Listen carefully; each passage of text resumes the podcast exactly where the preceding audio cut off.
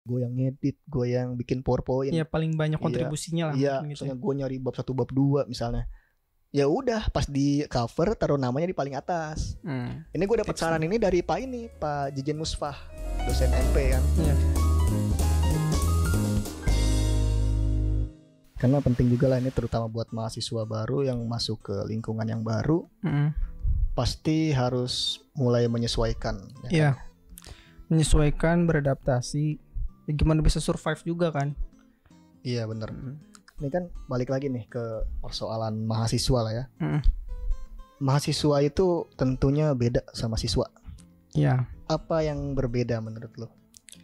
Kalau menurut gue dari segi eh, cara mendapatkan ilmu pun udah beda ya.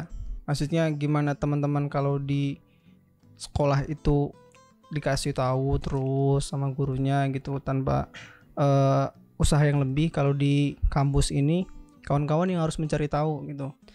Eh, mungkin selain di kelas bisa juga di luar gitu. Ini yang berbeda lah dengan kehidupan di sekolah. katakan SKS-nya ada dua atau tiga lah yang mana sekitar 1 sampai dua setengah jam lah pembelajaran kan Hmm, paling lama. paling lama dua setengah jam pelajaran itu tiga SKS itu ternyata itu kegiatan tatap muka tapi selebihnya tuh kita harus eksplorasi sendiri Mm-mm. mencari sumber-sumber terutama di beberapa dosen kadang memang ada yang menekankan kepada mahasiswanya itu untuk selalu membaca itu Iya. gua senang banget itu dulu tuh walaupun di saat itu di saat gua harus beradaptasi dari maba menjadi mahasiswa yang benar Iya.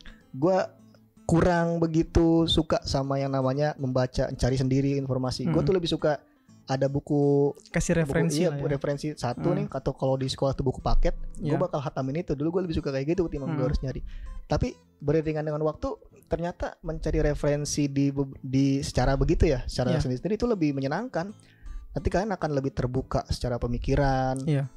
itu secara nggak langsung dan juga gue jadi inget waktu perkataan Pak Haris tuh beberapa Iya. hari lalu tentang bahwa pembelajaran di kampus itu bukan pedagogik lagi tapi andragogik kan Mm-mm. Oh iya, gue jadi inget juga tuh. Semenjak itu gue kembali ke semester 1 ternyata udah pernah diajarin tuh. Ternyata perbedaan mendasar itu ya dari segi teknik belajar kan. Iya. Kalau misalnya di sekolah SD, SMP, SMA itu kan dikenal dengan istilah pedagogik kan. Iya. Ya kan? Cuman dikasih Iya. tahu. Iya, kalau misalnya udah masuk ke jenjang perguruan tinggi itu masuk ke andragogik yang artinya itu pendidikan untuk orang dewasa. Mm. Nah, ciri khas pendidikan orang dewasa itu ya itu mereka bereksplorasi, mencari sesuatu. Nanti Iya. outputnya ya kita bisa menciptakan sesuatu. Pola pikir kita nah, ya. iya tentu pola pikirnya pikir. terbuka. Mm-mm. Semakin itu semakin bagus lah. Itu baru bener-bener jadi orang yang akademik dan jadi mahasiswa yang bagus gitu. Iya. Karena dari eh, misalnya tadi Ji kalau ketika kita dikasih referensi harus baca buku ini buku ini, kalau menurut gue ya itu pun eh, mempengaruhi pola pikir kita. Kayak nanti nantinya gitu. Kalau kita disuruh baca buku ini ya pemikiran kita akan seperti si penulis buku gitu. Iya. Beda lagi kalau misalnya coba bu- baca buku eh, judulnya ini, penulisnya terserah. Nah itu pun nanti banyak lah pola pikir bakal masuk. Iya bener. Waktu semester 1 mungkin kita masih agak ada yang diarahkan ke buku tertentu ya. Iya betul. Waktu itu masih diajarin coba beli buku ini, baca buku ini. Mm-mm. Tapi setelah itu kita melihat ada yang hal-hal yang menurut kita kurang, Iya. kita nyari lagi. Dan di situ sisi keseruannya. Dan Mm-mm. buat teman-teman mungkin harus mulai terbiasa lah ya mencari buku. Bahkan mungkin kalau bisa dan punya rezeki yang cukup, Iya. itu bisa mulai mengkoleksi buku. Hmm, Dan ya penting. memang kadang nggak harus buku juga sebenarnya, tapi bisa juga dari buku elektronik kan, Iya, e-book atau misalnya baca di Ipusnas. iya betul. Pokoknya sumber-sumber referensi yang memang sekiranya tergapai oleh kita di era sekarang kita sudah lumayan dimudahkan mudah banget lah sekarang Iya. di mana-mana. Termasuk gitu kayak dulu zaman dulu nih, zaman gua semester 3 4 5 Hmm. itu gua pernah tuh patungan beli buku.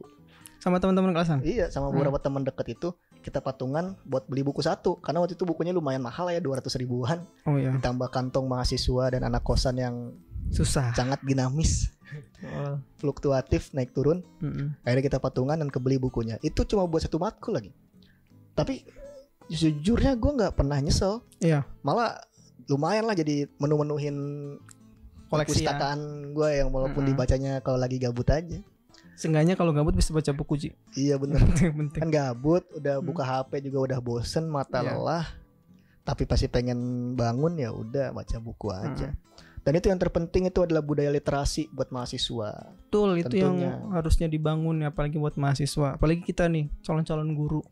Oh iya, Mm-mm. kita kalau calon guru tuh nggak cuma literasi juga malah kita harus punya skill mengajar, Iya. skill komunikasi, sosialisasi itu yang paling seru banget. Nah makanya terkadang kita itu nggak dapetin hal itu semua di dalam kelas begitu saja. Iya.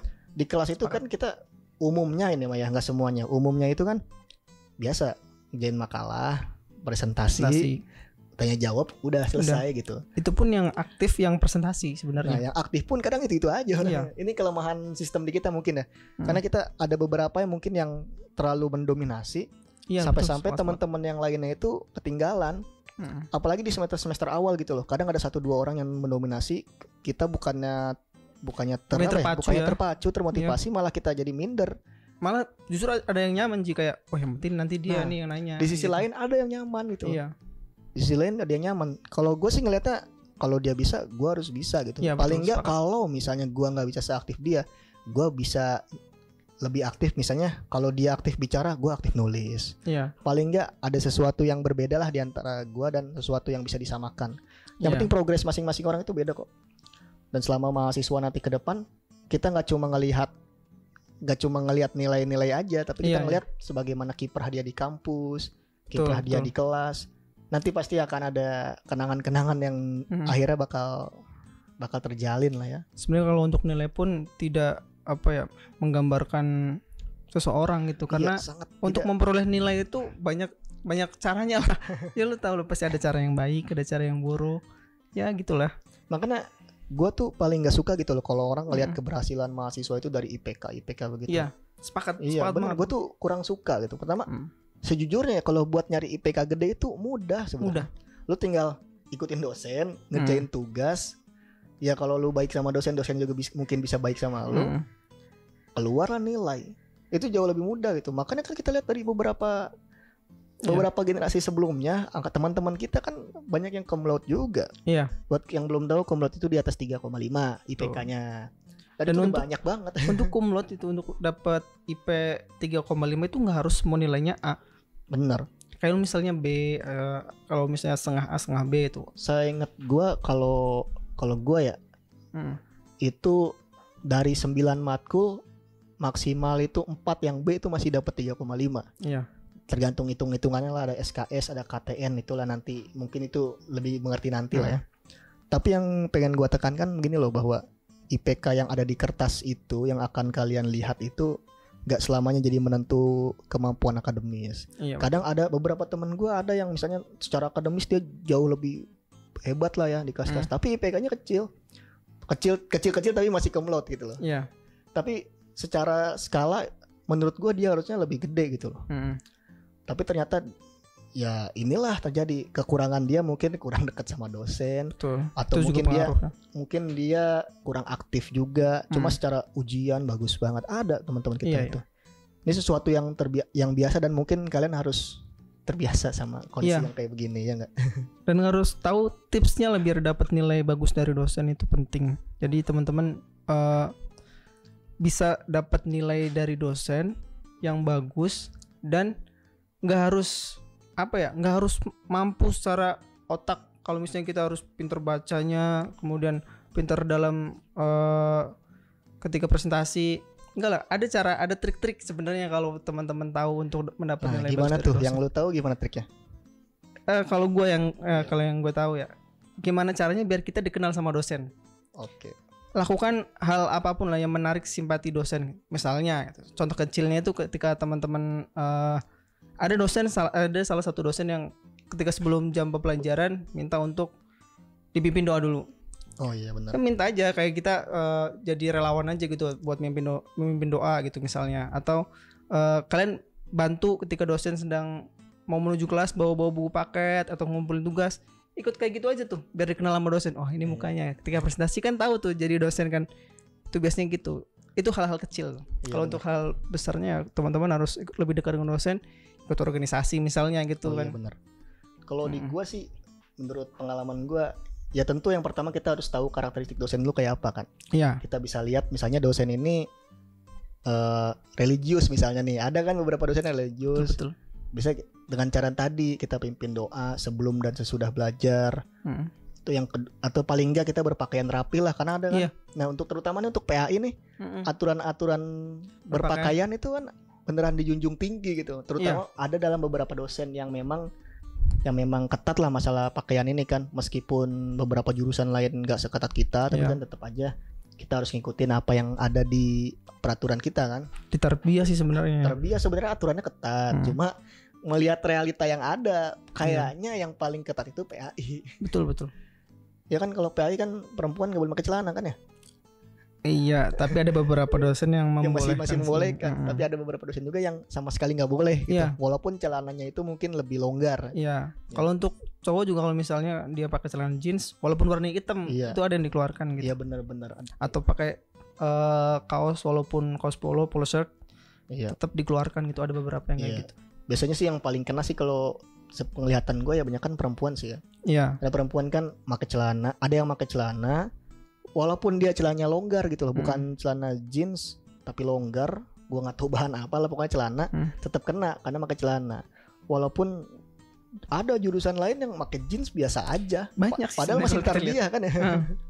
ini gue Banyak nggak paham lagi nah selanjutnya mungkin dari segi presentasi nih Hmm. kalau presentasi ini yang paling kelihatan itu biasanya ya udah yang paling banyak ngomong Paling banyak yang paling banyak menjawab pertanyaan Hmm. menanggapi pertanyaan atau paling nggak melontarkan pendapat itu kemungkinan besar dapat dapat penglihatan dari dosen Iya, dapat perhatian dari dosen. Iya, dan perhatian juga dan efeknya. Walaupun sebenarnya kalau untuk membuat makalah orang tersebut sebenarnya kurang berpartisipasi. Ada nggak sih yang kayak gitu? Lu pernah gimana pernah gimana kayak lu bikin eh, makalah deh, nanti biar Iya. yang presentasi gua.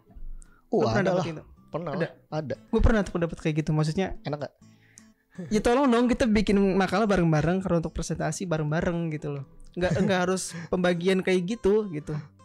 iya bener ya itu udah nantilah di apa namanya di pertemuan tatap muka bisa sih yang Hmm. kayak gini ribetnya tuh ada yang disuruh ngerjain ini ngerjain ini bahkan ada yang maunya cuma fotokopi doang Parah sih itu kami mau mau fotokopi doang. ini ada lah nanti ya Ah. mungkin di awal-awal kita masih excited Iya, ya, excited masih ya. benar-benar seneng gitu sama Semester satu perkuliahan. tuh ya emang udah Ya, memang masanya kayak gitu kita gitu masih ya. penasaran Iya. masih masih semangat semangatnya kuliah jadi kita masih asik nih semester semester Hmm. berikutnya mungkin ada yang turun semangatnya ya itu, Kelihatan itu ya. gue juga pernah kayak gitu turun semangatnya wajar gue Hmm. turun semangat itu di semester 4 semester 5 tuh padahal kalau misalnya nih sekarang nih gue bisa balik Hmm. lagi gue pengen ke semester itu Lu lu mulai ngerasa salah jurusan nggak? enggak sih kalau gue Nggak pernah ngerasain gua kayak gitu. sebenarnya gini ya gue yang gue cari di PAI ini Hmm. bukan sejujurnya bukan agama Islamnya tapi ilmu-ilmu kependidikan sebenarnya. Iya. Cuma ditambah gue suka baca-baca buku Islam lah paling kecil lah paling sedikitnya gue tertarik sama sama Islam kan Iya. sama fikih sama hadis sama sejarah sih gue tertarik Iya. sama sejarah tuh karena kan sejarah itu mungkin mencakup peristiwa-peristiwa yang Hmm. berhubungan sama keislaman kan. Nah ditambah yang gue incer juga ya kependidikannya. Nah Iya. jadi gue nggak pernah salah jurusan bahkan di tes aja kan gue sebelumnya ngambil-ngambil ju- tarbiyah-tarbiyah juga Iya. cuma beda jurusan aja dulu gue ngambil MP sama PAI lah ya. intinya tentang pendidikan gitu dan gue sama sekali nggak pernah ngerasa itu kalau lu gimana Gue sempet sih ngerasain itu Ji. kenapa emang Karena eh, bukan bukan karena terbebani oleh ini ya, bukan karena terbebani oleh mata kuliahnya gitu. Cuman gue kayak tertarik ke jurusan lain karena unt- gue gue masuk UIN tuh lewat jalur UMPTKIN. iya sama Ya. eh, pertama ikut SPAN PTKIN nggak lolos karena akreditasi sekolah kan juga pengaruh ternyata ya. iya benar-benar Terus eh, ikut UMPTKIN waktu itu gue ujian di IAIN Purwokerto. Gue ngambil untuk pilihan pertama itu PAI, pilihan kedua itu SE Komunikasi Penyiaran Islam KPI.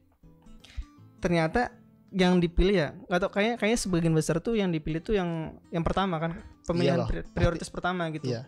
Gue mikirnya eh ya tergantung ini nilai gitu. Eh, nilai dari raport atau apa gitu. Gue pengennya masuk KPI tadinya. Terus waktu pengumuman PAI eh ya udahlah nggak apa-apa udah. Udah mepet juga ya masuk aja PAI dan setelah kuliah ngeliat teman-teman dari KPI ada karena gue minat juga kalau untuk jurnalis gitu untuk siaran dan lain-lain atau public speaking juga minat sih makanya ikut sekolah lain juga iya benar-benar Nah kayak begini nih. Hmm. Kalau gua sih kalau dibilang kilas balik di sebelum perkuliahan, gue juga sempat milih jurusan lain kan. Iya. Yang pertama gue tentu PAI nih. Di di dua seleksi, tiga seleksi SPAN PTKIN, UMPTKIN sama SPM Mandiri itu semuanya PAI semua. Lu ikut 91. SPMB Mandiri juga. Iya, dua-duanya Hmm. lulus alhamdulillah. Pas UMPTKIN lolos, SPM juga lolos gitu loh. Iya. Ada beberapa temen juga kok yang dua-duanya lolos di angkatan kita tuh. Hmm.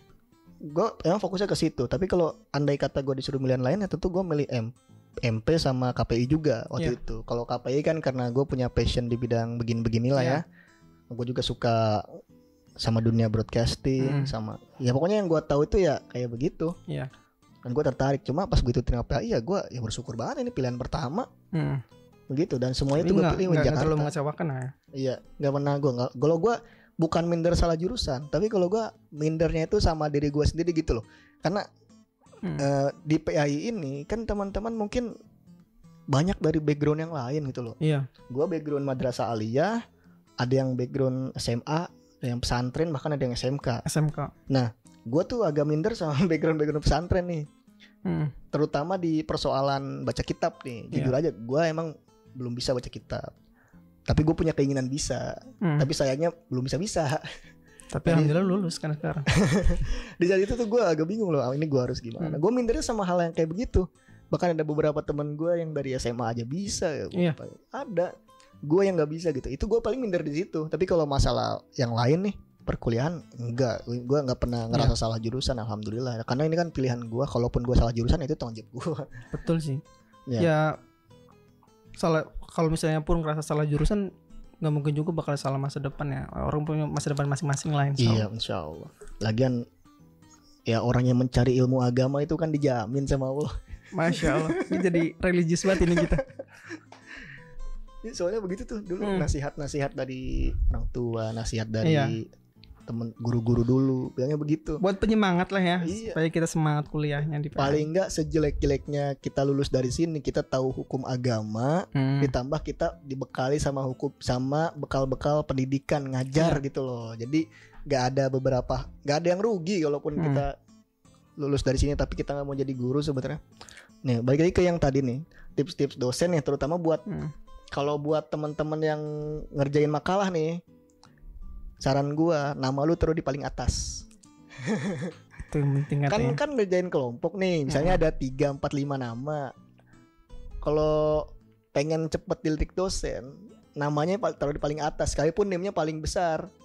Oh berarti nggak sesuai nim nggak apa-apa. nggak harus diurutin tuh nimnya Mm-mm. taruh aja misalnya misalnya nih kalian ngerasa jadi yang paling aktif di kelompok ini ngerasanya dalam dalam poin baik ya Iya. Maksudnya ngerasa, ah gue paling aktif nih gue yang ngedit gue yang bikin powerpoint Iya paling banyak Iya. kontribusinya lah. Iya, mungkin gitu misalnya gue nyari bab satu bab dua misalnya.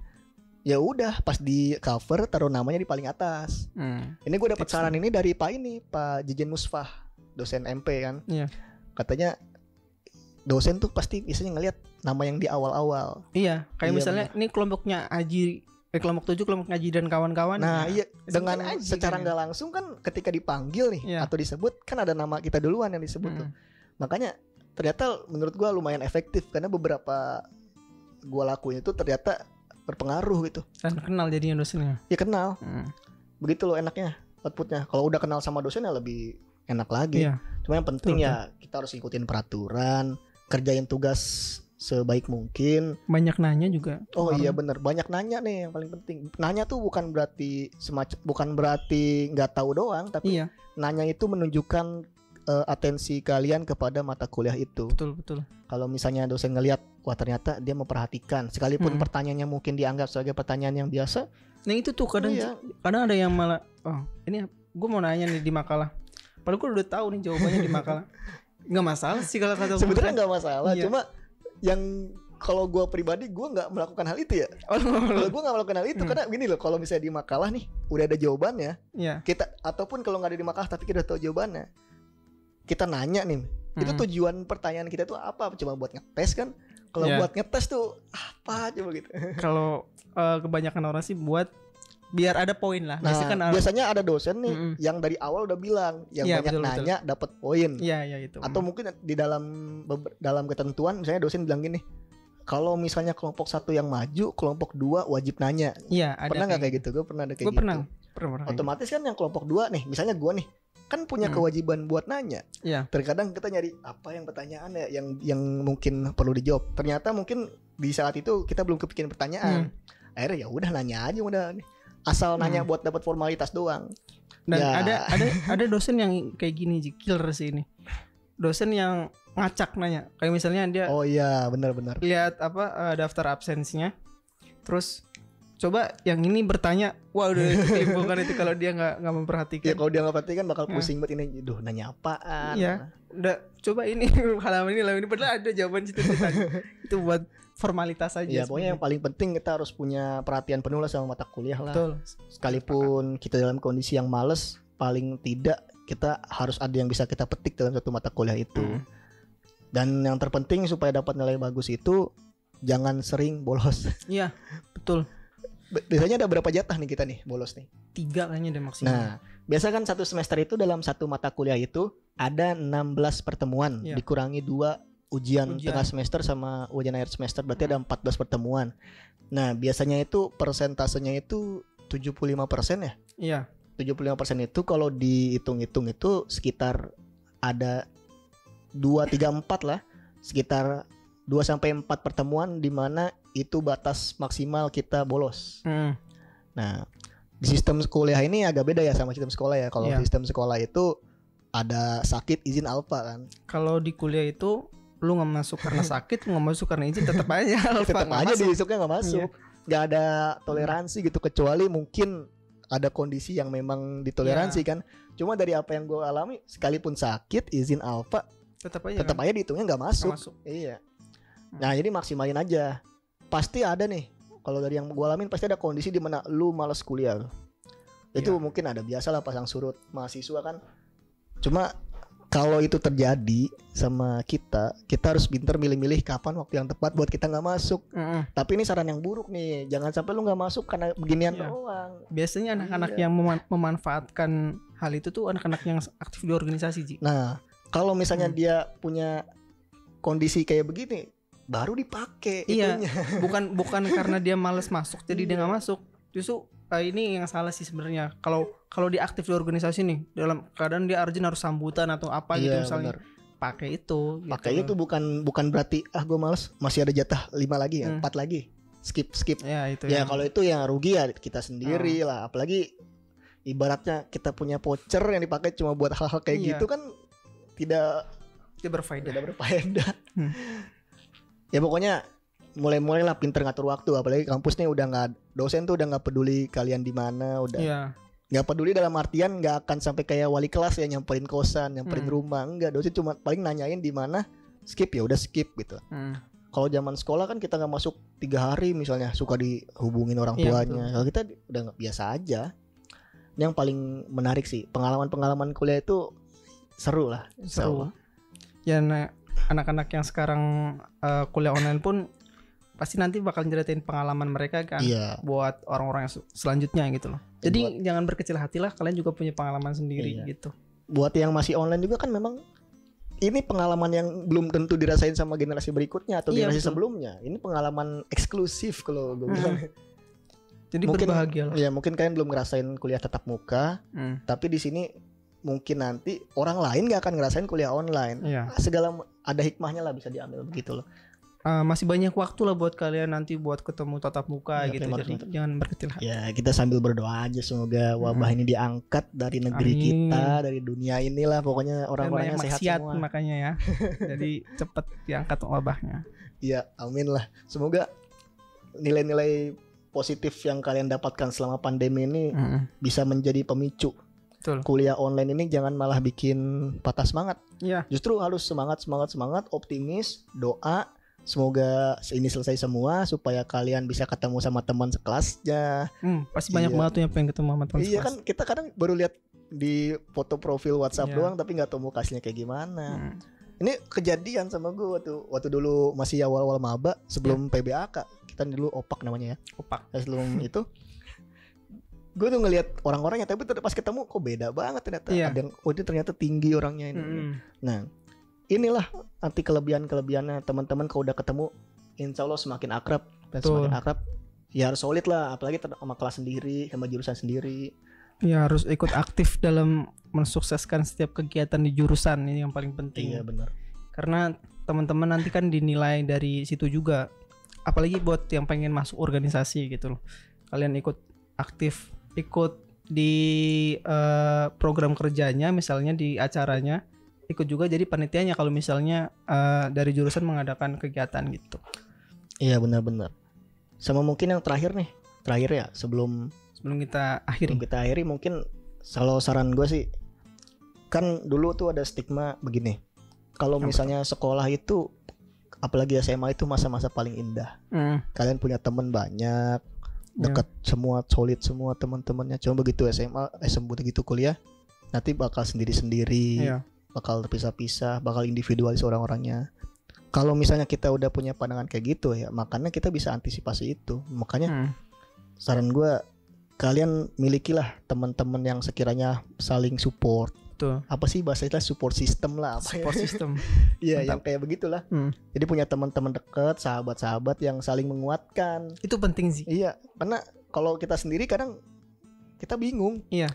Kita lagi mau skripsian bingung kita mau bahas Iya. apa nggak ada teman diskusi itu bakal pengaruhi banget apalagi di saat malas dan teman itu tuh nggak hanya teman-teman belajar doang teman-teman Iya. main Nongkrong. kita butuh refreshing ke mana-mana malam-malam kita ngopi di mana kan Hmm. Jangan kaku-kaku banget sih sebenarnya ya Ya kuliah tuh nggak Iya. eh, apa ya selamanya kalian di kelas kemudian harus diskusi dan sebagainya enggak Iya. lah. kadang pertemuan-pertemuan di luar kelas nih kayak misalnya pertemuan di kafe oh Iya. atau pertemuan di warkop biasa nih Iya. Pinggir itu kadang ya. kita dapat inspirasi baru Iya betul tuh. atau kalau misalnya lagi punya waktu luang jalan-jalan Hmm. gitu kan tapi ntar setelah pandemi Sepakat. itu jalan-jalan ke mana di situ ada quality time lah sama teman-teman gitu makanya Hmm. yang paling penting supaya teman supaya teman-teman nanti kalian nggak sendiri di masa-masa kalian membutuhkan orang Iya. kalian udah miliki teman dulu teman-teman yang saling menguatkan kan kayak tadi tuh gua jelasin punya teman buat patungan buku punya Iya. teman buat main game Iya. ya kan gue main FIFA mulu kan main Hmm. FIFA main PES kayak gitu kan teman-temannya ada gitu loh Iya. bakal asik banget ya Sampai akhir kan eh, jadi ada teman yang buat sharing, ada teman yang buat caring. iya bener gitu. Seru banget. mantap ya pokoknya nikmati masa perkuliahan sekarang bersabar dengan kondisi yang seperti ini semoga wabah diangkat dan kita Amin. semua diberikan kesehatan jauh dari penyakit dan mara bahaya Ya. ya Yang paling penting stay safe sih. ya, Jaga kesehatan, stay safe. jaga protokol eh, tetap patuhi protokol kesehatan, kemudian jaga teman-teman atau keluarga yang paling dekat itu yang paling penting.